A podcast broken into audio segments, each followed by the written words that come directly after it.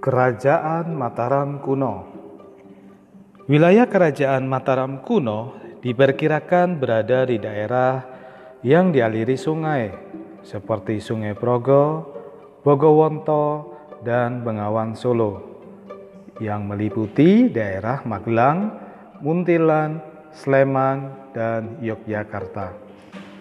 Wilayah ini juga dilingkari oleh pegunungan dan eksistensi Kerajaan Mataram kuno berlangsung selama 196 tahun sejak tahun 731 Masehi hingga 928 Masehi. Sumber tertulis tentang eksistensi Mataram kuno terdapat pada prasasti Canggal, prasasti Mantiasih, dan prasasti Wanua Tengah ketiga.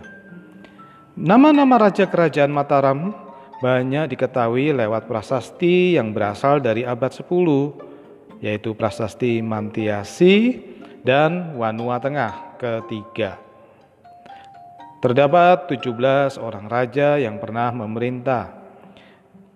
Dari sejumlah keterangan, terdapat empat raja Mataram yang memerintah lebih dari 20 tahun yaitu satu Raja Sanjaya 24 tahun.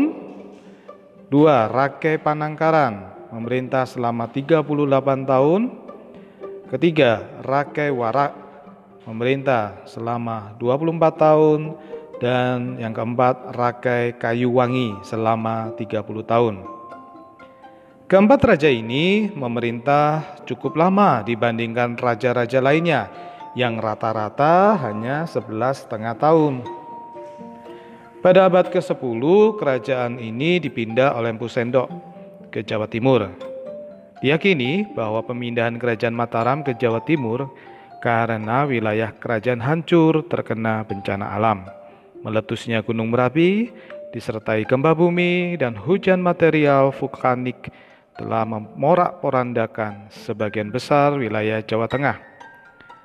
Wilayah kerajaan ini dipindahkan oleh cucu Sri Maharaja Daksa. Empu Sendok membangun kembali kerajaan ini di Watu Galuh. Sekarang sebuah desa di dekat Jombang di tepi aliran Sungai Brantas, Jawa Timur. Penguasa Medang setelah Empu Sendok di antaranya Sri Isyana Tunggawijaya, Sri Makutawangsa Wardana, Dharma Wangsa, dan Air Langga. Sumber pendapatan kerajaan ini berasal dari sistem pertanian dan perdagangan. Hal tersebut dibuktikan dengan ditemukannya prasasti Gondosuli di lereng Gunung Sumbing.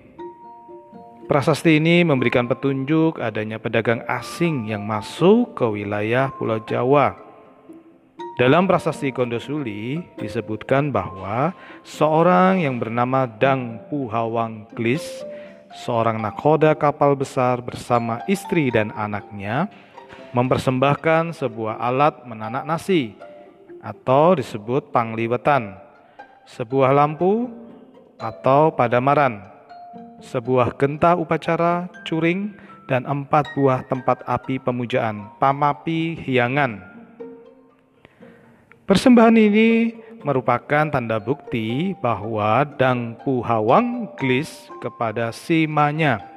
Keterangan dari prasasti Gondosuli itu sangat menarik perhatian karena menyebutkan seorang nahkoda kapal yang menggunakan bahasa Melayu kuno dengan memberikan persembahan sebuah bangunan suci.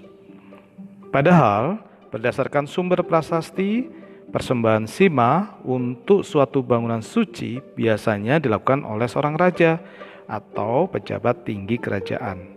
Artinya, Dang Puhawangklis mungkin merupakan seorang pejabat tinggi kerajaan di Sumatera.